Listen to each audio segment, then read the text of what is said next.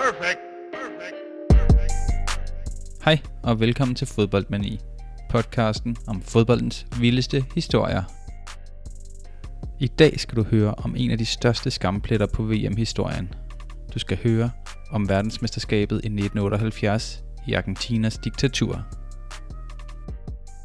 Men først, så gå lige ind på Instagram og følg Fodboldmani, hvor du får mange flere vilde fodboldhistorier.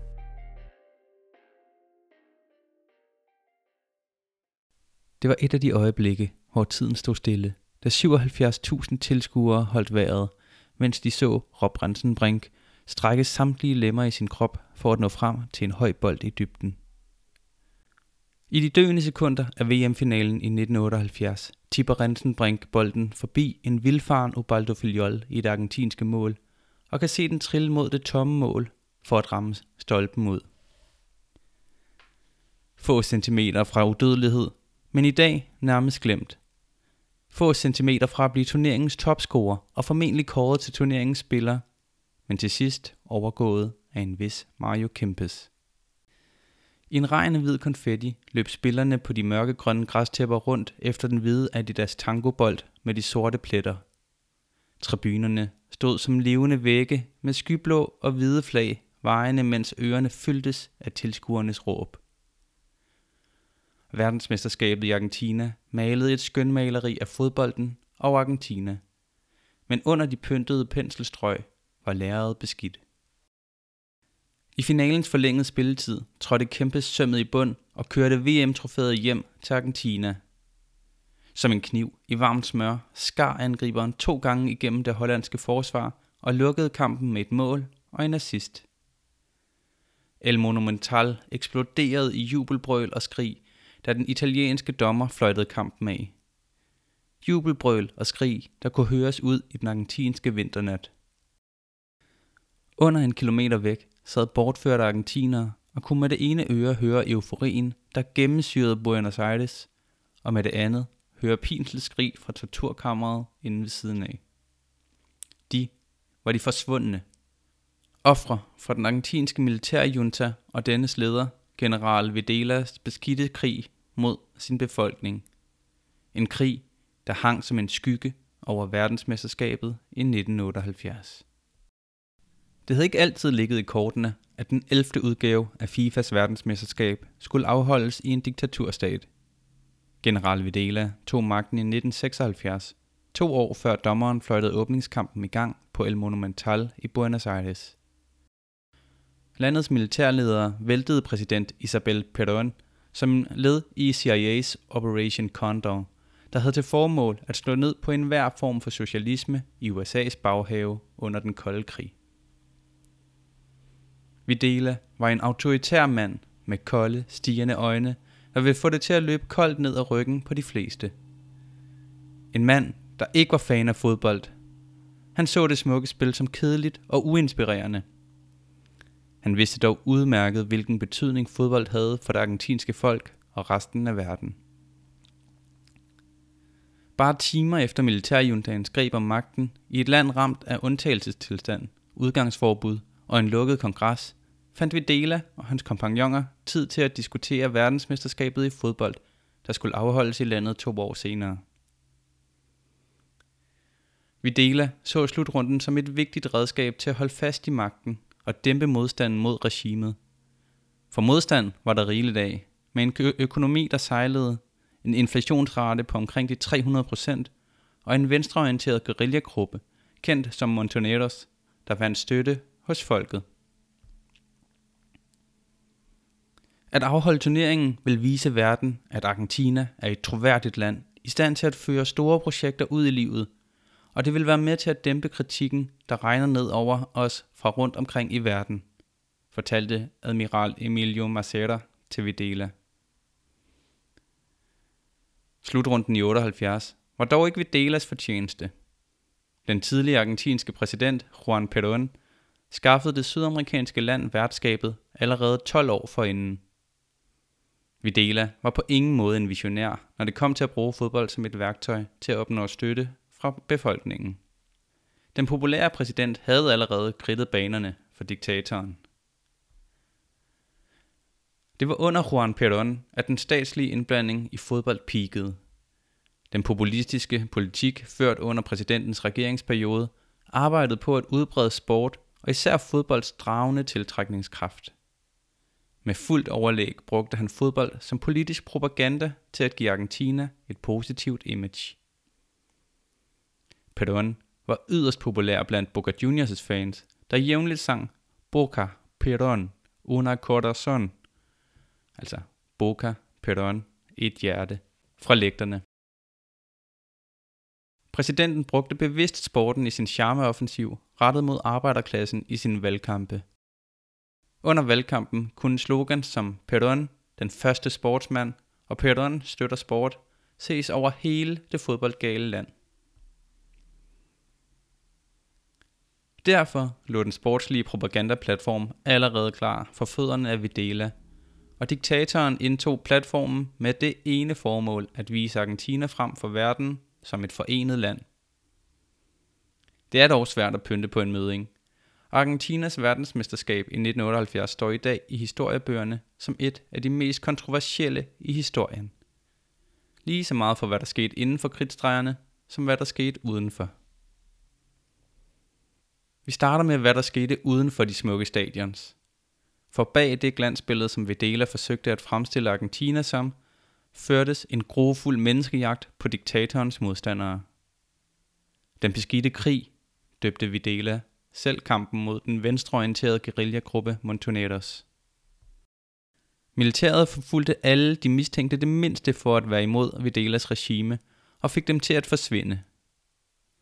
De forsvundne blev taget med for øjnene af deres familier og blev aldrig set igen. De blev smidt i celler og tortureret. Nogle fanger blev gennemhullet af maskingeværer, andre blev sprængt i luften. Argentinere med adresse nær Rio de la Platas bredder så kasser blive smidt ud af over vandet fra flyvemaskiner om natten, uden at vide, hvad der var i dem. Det fandt de ud af, da lige skyllede op på land. Nogle beboere var så uheldige, at de fik døde mennesker faldende ned gennem deres hustage. Regimet viste ingen noget. Hvis vidnerne til de strandvaskede lig gik til politiet for at indberette deres traumatiske fund, fik de besked på at holde deres mund. Ellers ville de få samme tur. Videlas brutale forfølgelse gik ikke ubemærket hen i resten af verden. Især i Europa steg modstanden mod det argentinske regime – en organisation af franske journalister forsøgte ihærdigt at få de kvalificerede europæiske nationer, Frankrig, Spanien, Italien, Sverige, Holland og Skotland, til at blive hjemme med en velorganiseret kampagne, hvis manifest blandt andet sagde, vi skal ikke spille fodbold blandt koncentrationslejre og torturkamre. Amnesty International greb også faklen og kom med en klar besked. Sport er ikke adskilt fra politik. Argentinas stadions ser nok, hvis ikke neutrale, så rene, respektable, civiliserede og beskyttede ud, hvilket regimet vil sætte alt ind på at opnå. Det sande Argentina med fængsler, tortur og undertrykkelse af politiske modstandere vil forsigtigt blive gemt væk og benægtet. Videla kunne mærke den internationale varme under sit sæde og søgte hjælp hos det amerikanske PR-bureau Burson Marsteller, som skulle hjælpe med at promovere tillid og goodwill til landet og dets regering uden for Argentina. New Yorkerne skræddersyede en detaljeret plan, som skulle give landet et nyt image, bygget på stabilitet, med verdensmesterskabet i fodbold som hovedfokus, og modarbejde enhver negativ omtale fra udlandet. Vi deler brugte selv den nationale presse som talerør til folket – hvor han formåede at overbevise størstedelen af argentinere om, at landet var ofre for udenlandske mediers og organisationers hets. Han opfordrede folket til at forsvare Argentina og fortælle verden sandheden. Det resulterede blandt andet i ugebladet Parati til kvinder til at uh, skrive postkort til veninder i udlandet om, hvor skønt det virkelige Argentina var. Postkortene blev selvfølgelig meget belejligt trygt i ugebladet. Intet måtte stå i vejen for det glansbillede af Argentina, som Videla forsøgte at vise verden. Forberedelserne til verdensmesterskabet var præg af Videlas brutale og paranoide lederskab. Militærpoliti, hvor mange betjente endnu ikke var fyldt 20, patruljerede gaderne og stoppede tilfældige borgere for at kræve at se ID og ofte bestikkelse. Checkpoints, som rensede køretøjer, skød op på veje over hele landet, og fattige nabolag tæt ved turneringens stadioner og lufthavne blev ryddet for at gemme kon- øh, konsekvenserne af landets mangeårige fejlslåede økonomiske politik for verden. Den 1. juli 1978 var dagen for åbningsceremonien for det kontroversielle VM. 67.000 tilskuere var på plads på Estadio Monumental i Buenos Aires, som normalt er hjemmebane for den argentinske storklub River Plate. Et militærband åbnede slutrunden med at spille general Videla ind på Argentinas største stadion. Diktatorens storslåede entré efterfulgtes af pavens velsignelse af verdensmesterskabet. Den blev leveret af Argentinas katolske kardinal Juan Carlos Aramburu. Landets kristne overhoved var offentligt kendt for at benægte den stigende mængde beviser for diktaturets forbrydelser. Han påstod, at de forsvundne mennesker som sad tortureret og uden håb kun 10 minutters gågang fra stadion, var rejst til Europa og ikke ønskede at skrive hjem til deres fortvivlede og fortabte efterladte. Værternes første kamp i 78 endte med en snæver sejr på 2-1 over Ungarn, den mest overkommelige modstander i en sprængfarlig pulje, hvor den fremtidige tredobbelte Ballon d'Or-vinder Michel Platini stod på holdkortet for Frankrig, mens Italiens Paolo Rossi fik netmaskerne til at blafre i den ene ende, og Dinosof lukkede af mellem stængerne i den anden. Det argentinske angrebs Leopoldo Luque kunne dog ikke nøjes med at være skuffet over den tamme indsats. På vej ned i korridorerne under El Monumental fik han en kommentar med, som fik det til at løbe koldt ned ad ryggen. Dette kan blive dødens gruppe for dit vedkommende, lød det fra en af militærjuntans embedsmænd med et ondt smil på læberne. Luke glemte aldrig ordene. Det jeg tænkte mest på var, at tidligere den dag forsvandt en af mine nære venners bror, udtalte han årtier senere og fortsatte. Hans lig blev senere fundet af nogle landsbyboere ved Rio de la Platas bred med cement om fødderne. Verdenspressens massive kampagne mod Argentinas værtskab satte den skyblå og hvide nations image bagud med 5-0 fra start.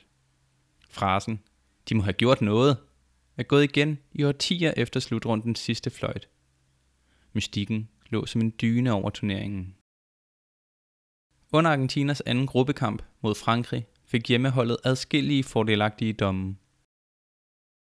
Franskmændene var overbeviste om, at der var tale om urent spil, og en anonym fransk spiller påstår endda, at dommeren efter hvad der lignede et tydeligt straffespark til Le Bleu, sagde til den argentinske anfører Daniel Passarella, at det skulle han ikke gøre igen, for ellers var han nødt til at dømme det næste gang. En anden historie går på, hvordan en argentinsk spiller blev testet negativ i en dopingkontrol. Til gengæld viste testen, at han var gravid. En episode, der efterfølgende fik FIFA til at skærpe reglerne for dopingkontrol. Fremover skulle der altid være opsyn med testede spillere, mens de tissede i koppen. Nu er det tid til at introducere en af de, hvis ikke den største profil ved slutrunden i 78. Mario Kempes ankom sent til VM-festen i mere end en forstand. Hvor resten af Argentinas trup var blevet forbudt at skifte til udenlandske klubber i årene op til slutrunden af landstræner Cesar Menotti, og havde trænet sammen i tre måneder op til slutrunden, drog El Matador mod Valencia, kort før forbuddet trådte i kraft og støtte først til landsholdet få dage før første kamp. Med to Pichichi-trofæer som symbol på topscore-titlen i La Liga, er to mulige i bagagen, var forventningerne til den langhårede angriber enorme i hjemlandet.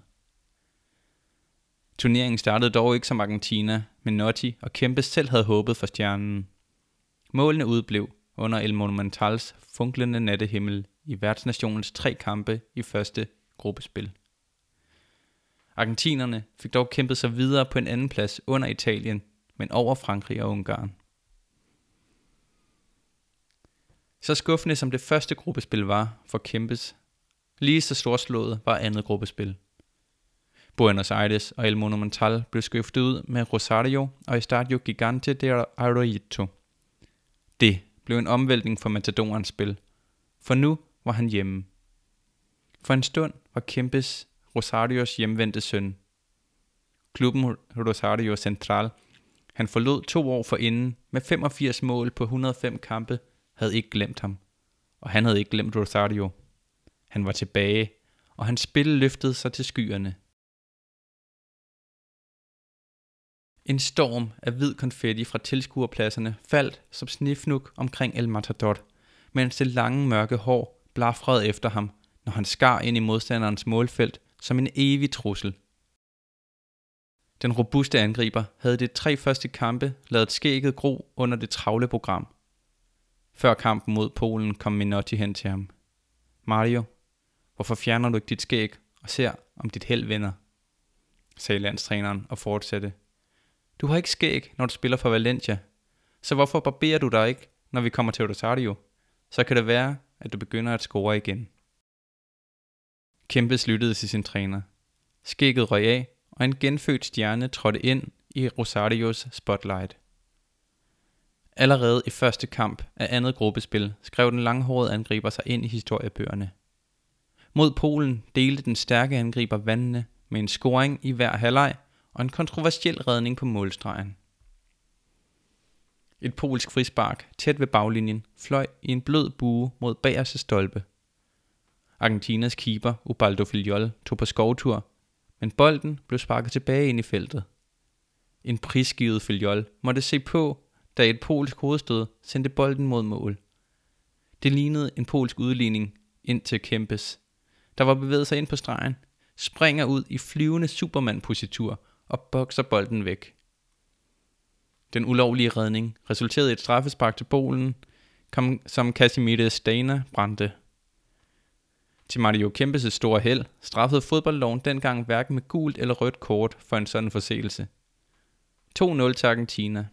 El Matador var helten, der åbnede sin målkonto på det helt rigtige tidspunkt. I anden kamp af andet gruppespil stod en vaskeægte Superclásico de las Americas for døren. Brasilien mod Argentina. En rivalisering så gammel og så tæt, at dramatikken gennemsyrer de 90 minutter på grønsværen hver eneste gang de to lande møder hinanden. Det blev en intens kamp, hvor det smukke spil blev lagt til side, og sene eftertaklinger, klynger af rasende spillere og ulovlige metoder blev hævet frem. Kampens største chance blev aldrig en chance, da argentinske Norberto Alonso sendte en perfekt høj bold i dybden mod Leopoldo Luque. Det eneste, der stod imellem en direkte duel mellem Luke og keeper Emerson Leao, var Toninhos arm i vejret, der med fuldt overlæg stoppede den smukke aflevering. Dramaet endte 0-0, og det var nu de to store fodboldnationers sidste kamp i gruppespillet, der skulle afgøre, om finalens ene deltager skulle være gul og grøn, eller skyblå og hvid.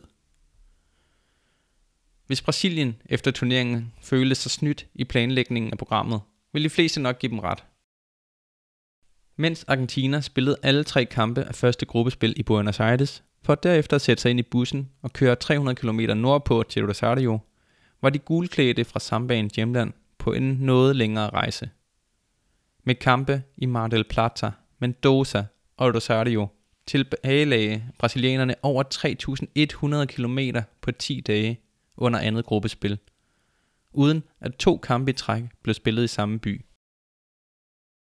Det uafgjorte rivalopgør efterlod begge lande med fire point før sidste kamp af andet gruppespil. Det så ud til at skulle afgøres på holdenes målscore, og her starter historien om endnu en række omstændigheder, der er blevet konspireret om lige siden. For hvor de sidste kampe i den anden gruppe med Holland, Italien, Vesttyskland og Østrig startede samtidig, så blev de afgørende kampe i Argentinas gruppespil spillet for skudt. Brasiliens 3-1 sejr over Polen blev fløjtet af 45 minutter før de peruvianske og argentinske spillere gik på banen. Dermed vidste argentinerne nøjagtigt hvilket resultat de skulle jagte for at gå videre. Argentina skulle vinde med fire mål over Peru for at komme i VM-finalen. En kamp, der lige siden har været omringet af mystik og beskyldninger om korruption. Aftenen før kampen prøvede Perus spillere at få en god nats søvn før deres sidste kamp ved slutrunden. Sent på aftenen må de sikkerhedsvagter, som skulle stå foran peruvianernes hotel, dog alle have fået en utrolig kaffetørst, for med et var de væk. Kort tid efter stemlede tusindvis af argentinere sammen foran hotellet med trommer og horn, der skabte en bravende larm. Og peruvianernes uheld stoppede ikke der. Da spillerne dagen efter satte sig ind i bussen mod Estadio Gigante de Arroyito, formåede buschaufføren angiveligt at fare vild. En bustur, som ikke burde tage mere end 30 minutter fra hotellet, endte med at tage mere end to timer. Spillerne endte med at kunne sætte sig ind i omklædningsrummet kun en time før kampstart. De rød-hvide klædte spillere fra bjergrige Peru havde dog ikke haft det sidste mærkværdige øjeblik i det begivenhedsrige døgn op til deres sidste kamp.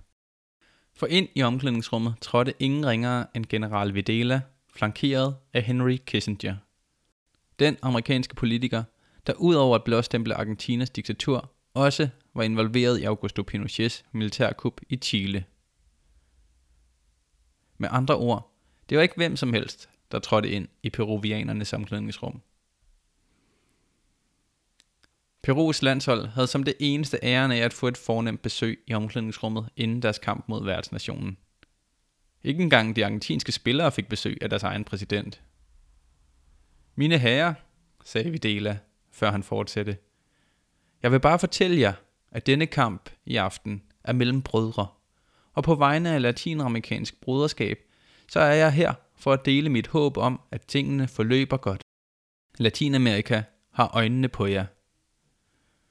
Og derefter læste han et brev højt fra Perus diktator, general Francisco Morales Bermudez, der også fortalte om samarbejdet mellem de to nationer, før at Videla, Kissinger og diktatorens bevæbnede eskorte vendte sig og forlod omklædningsrummet. Peruvianerne var ikke noget dårligt hold tilbage i 70'erne. De gik ubesejret gennem det første gruppespil, hvor de tog førstepladsen foran de senere finalister fra Holland. Luften røg dog ud af ballonen, der holdet noget andet gruppespil. Med nederlag på 3-0 til Brasilien og 1-0 til Polen, var de allerede færdige i turneringen. Dog havde ingen forestillet sig den afklapsning, som landet vil få af argentinerne. Argentina havde Rosarios befolkning i ryggen, der blæste dem frem på banen, og de skyblå og hvidstribede lagde et massivt pres på Perus mål. Kampen stod 2-0 ved pausen. Intet var sikkert endnu. Kort ind i anden halvleg sker der dog noget mærkeligt. Perus træner udskifter holdets defensive midtbanespiller, José Velasquez, der regnes for at være den bedste sydamerikaner på sin position i slut 70'erne og start 80'erne. Han var til sydlandene hverken skadet eller udmattet. Og derefter åbnede sluserne sig, og kampen udviklede sig til en lejestue.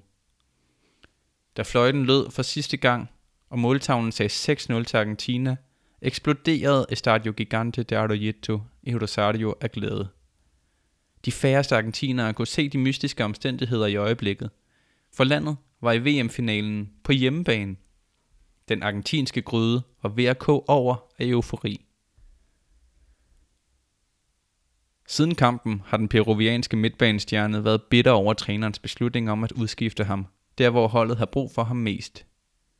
I et interview med britiske Channel 4 i 2012 lagde Velasquez ikke skjul på, at hans daværende holdleder og træner må have været under pres fra højere magter for at skifte ham ud, mens Argentina stadig manglede to mål for at kvalificere sig til finalen.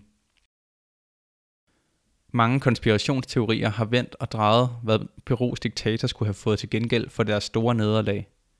En lyder på, at Perus forsvarsspiller Rodolfo Monzo blev tilbudt 50.000 dollars i bestikkelse, samtidig med at træneren satte ham i startelveren, på trods af at han var skadet.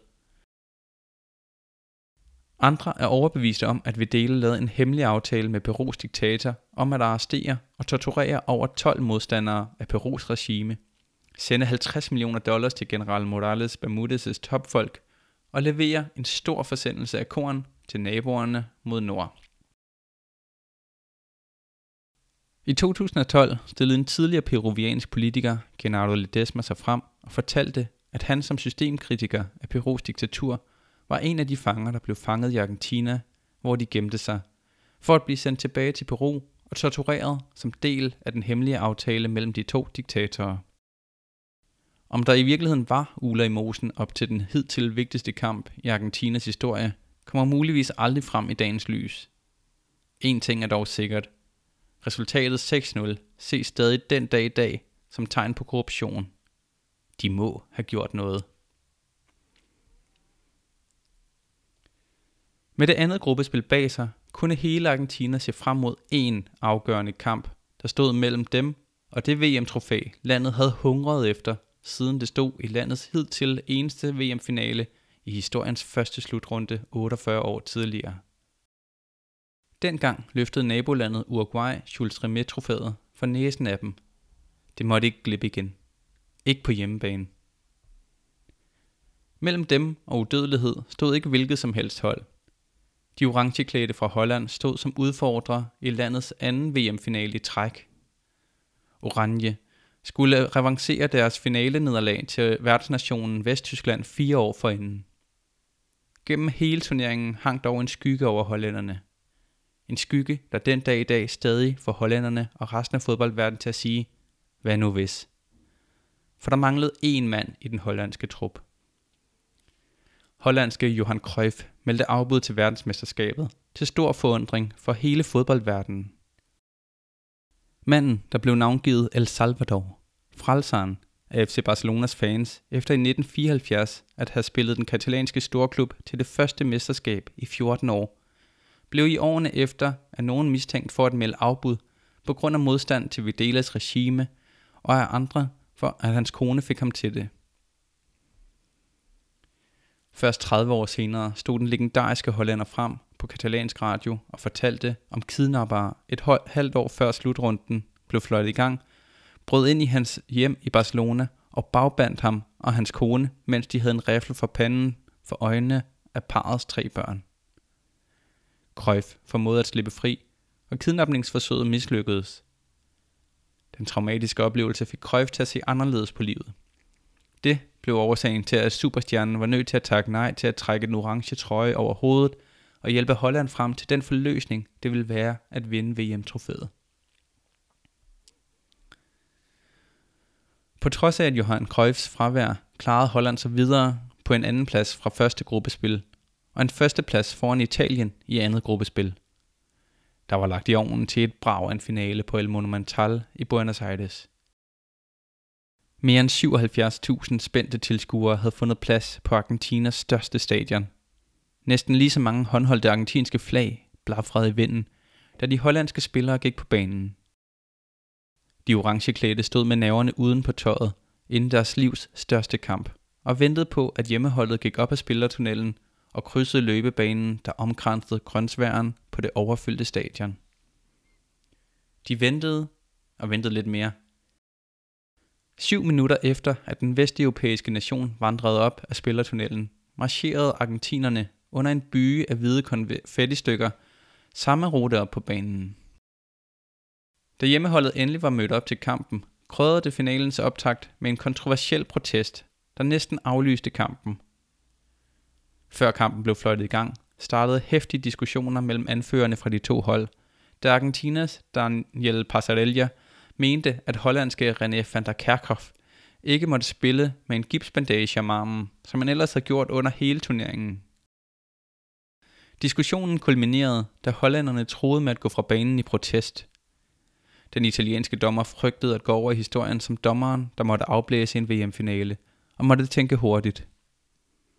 Han indgik et kompromis med de to hold om, at Kerkhoff kunne spille med en slynge, og slaget kunne nu fløjtes i gang. Kampens indledning satte scenen for resten af kampen. Spillerne fra begge hold var oppe i det røde felt. Det blev en finale præget af hårde taklinger og skænderier. Efter 38 minutter ender bolden for fødderne af Mario Kempes, der med et skarpt ryg ind i hollændernes målfelt og en flad afslutning under Jan Jongblod bringer argentinerne foran. På trods af den tumultariske indledning på kampen og Argentinas føringsmål, viste hollænderne hjerte og kæmpede sig tilbage i kampen. I 82. minut fløj indskiftede Dignaninga til værs og hættede et blødt, men præcist indlæg ind bag Ubaldo Filiol. Finalens sidste 10 minutter var hollændernes. Den ene orange bølge efter den anden skyllede ind over argentinernes forsvar. Spændingen fortsatte til sidste minut af ordinær spilletid, hvor et frispark fra hollændernes egen banehalvdel fik lov til at sejle hele vejen igennem det blå-hvide forsvar til en fremadstormende Rob Rensenbrink, der med sine sidste kræfter kastede sig frem for at snitte bolden forbi Faliol. El Monumental og resten af Argentinas hjerter sprang kollektivt et slag over i det sekund, der måtte føles som en evighed, hvor bolden trillede mod det tomme mål, før den ramte stolpe og hoppede tilbage ud i feltet, hvor Americo Gallego kunne losse bolden op på tribunen. Argentina kunne den lettet op. Hollænderne, der et kort øjeblik stod med hænderne i vejret, overbeviste om, at de var verdensmestre, stod nu og kiggede ned i jorden. For dem var det chancen. De havde givet alt.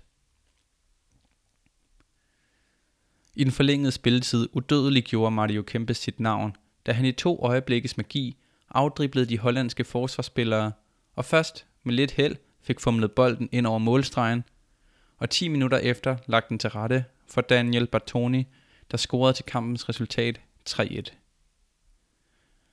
Argentinas gader blev oversvømmet af mennesker, der dansede på fortovscaféernes borer, og biler med hornet i bund og argentinske flag ud af vinduet. Inden på El Monumental overrakte general Videla VM-trofæet til anfører Daniel Pasarella, mens verden så på. På et lille sort-hvid tv, en kilometer fra stadion, sad en gruppe af 20 forsvundne og så kampen med vagter i ryggen. Mange af dem kom aldrig hjem til deres kære. Men en kunne fortælle om, hvordan de efter finalen blev kørt til et slummet pizzeria for at få mad. I et kort øjeblik stod fangerne på gaden med deres frie landsmænd, syngende og dansende ved siden af dem.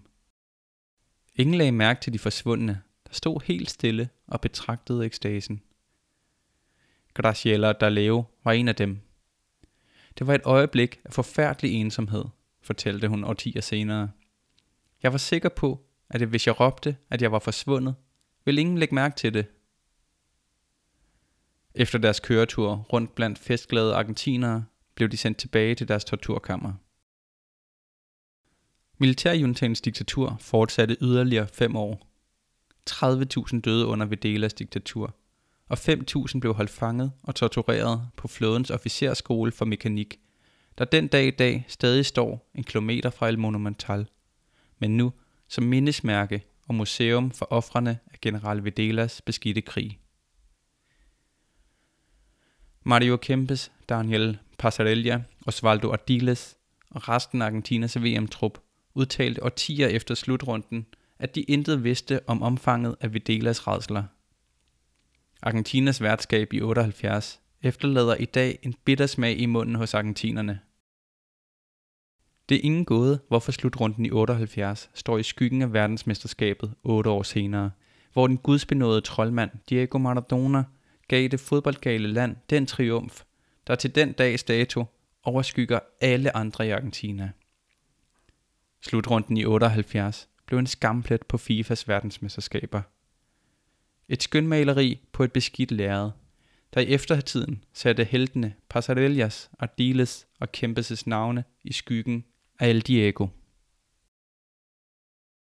Hvis du vil høre flere historier om fodboldens legender, talenter og vildeste historier, så abonner på Fodboldmani, hvor du hører podcasts, og gå ind på Instagram og tryk følg.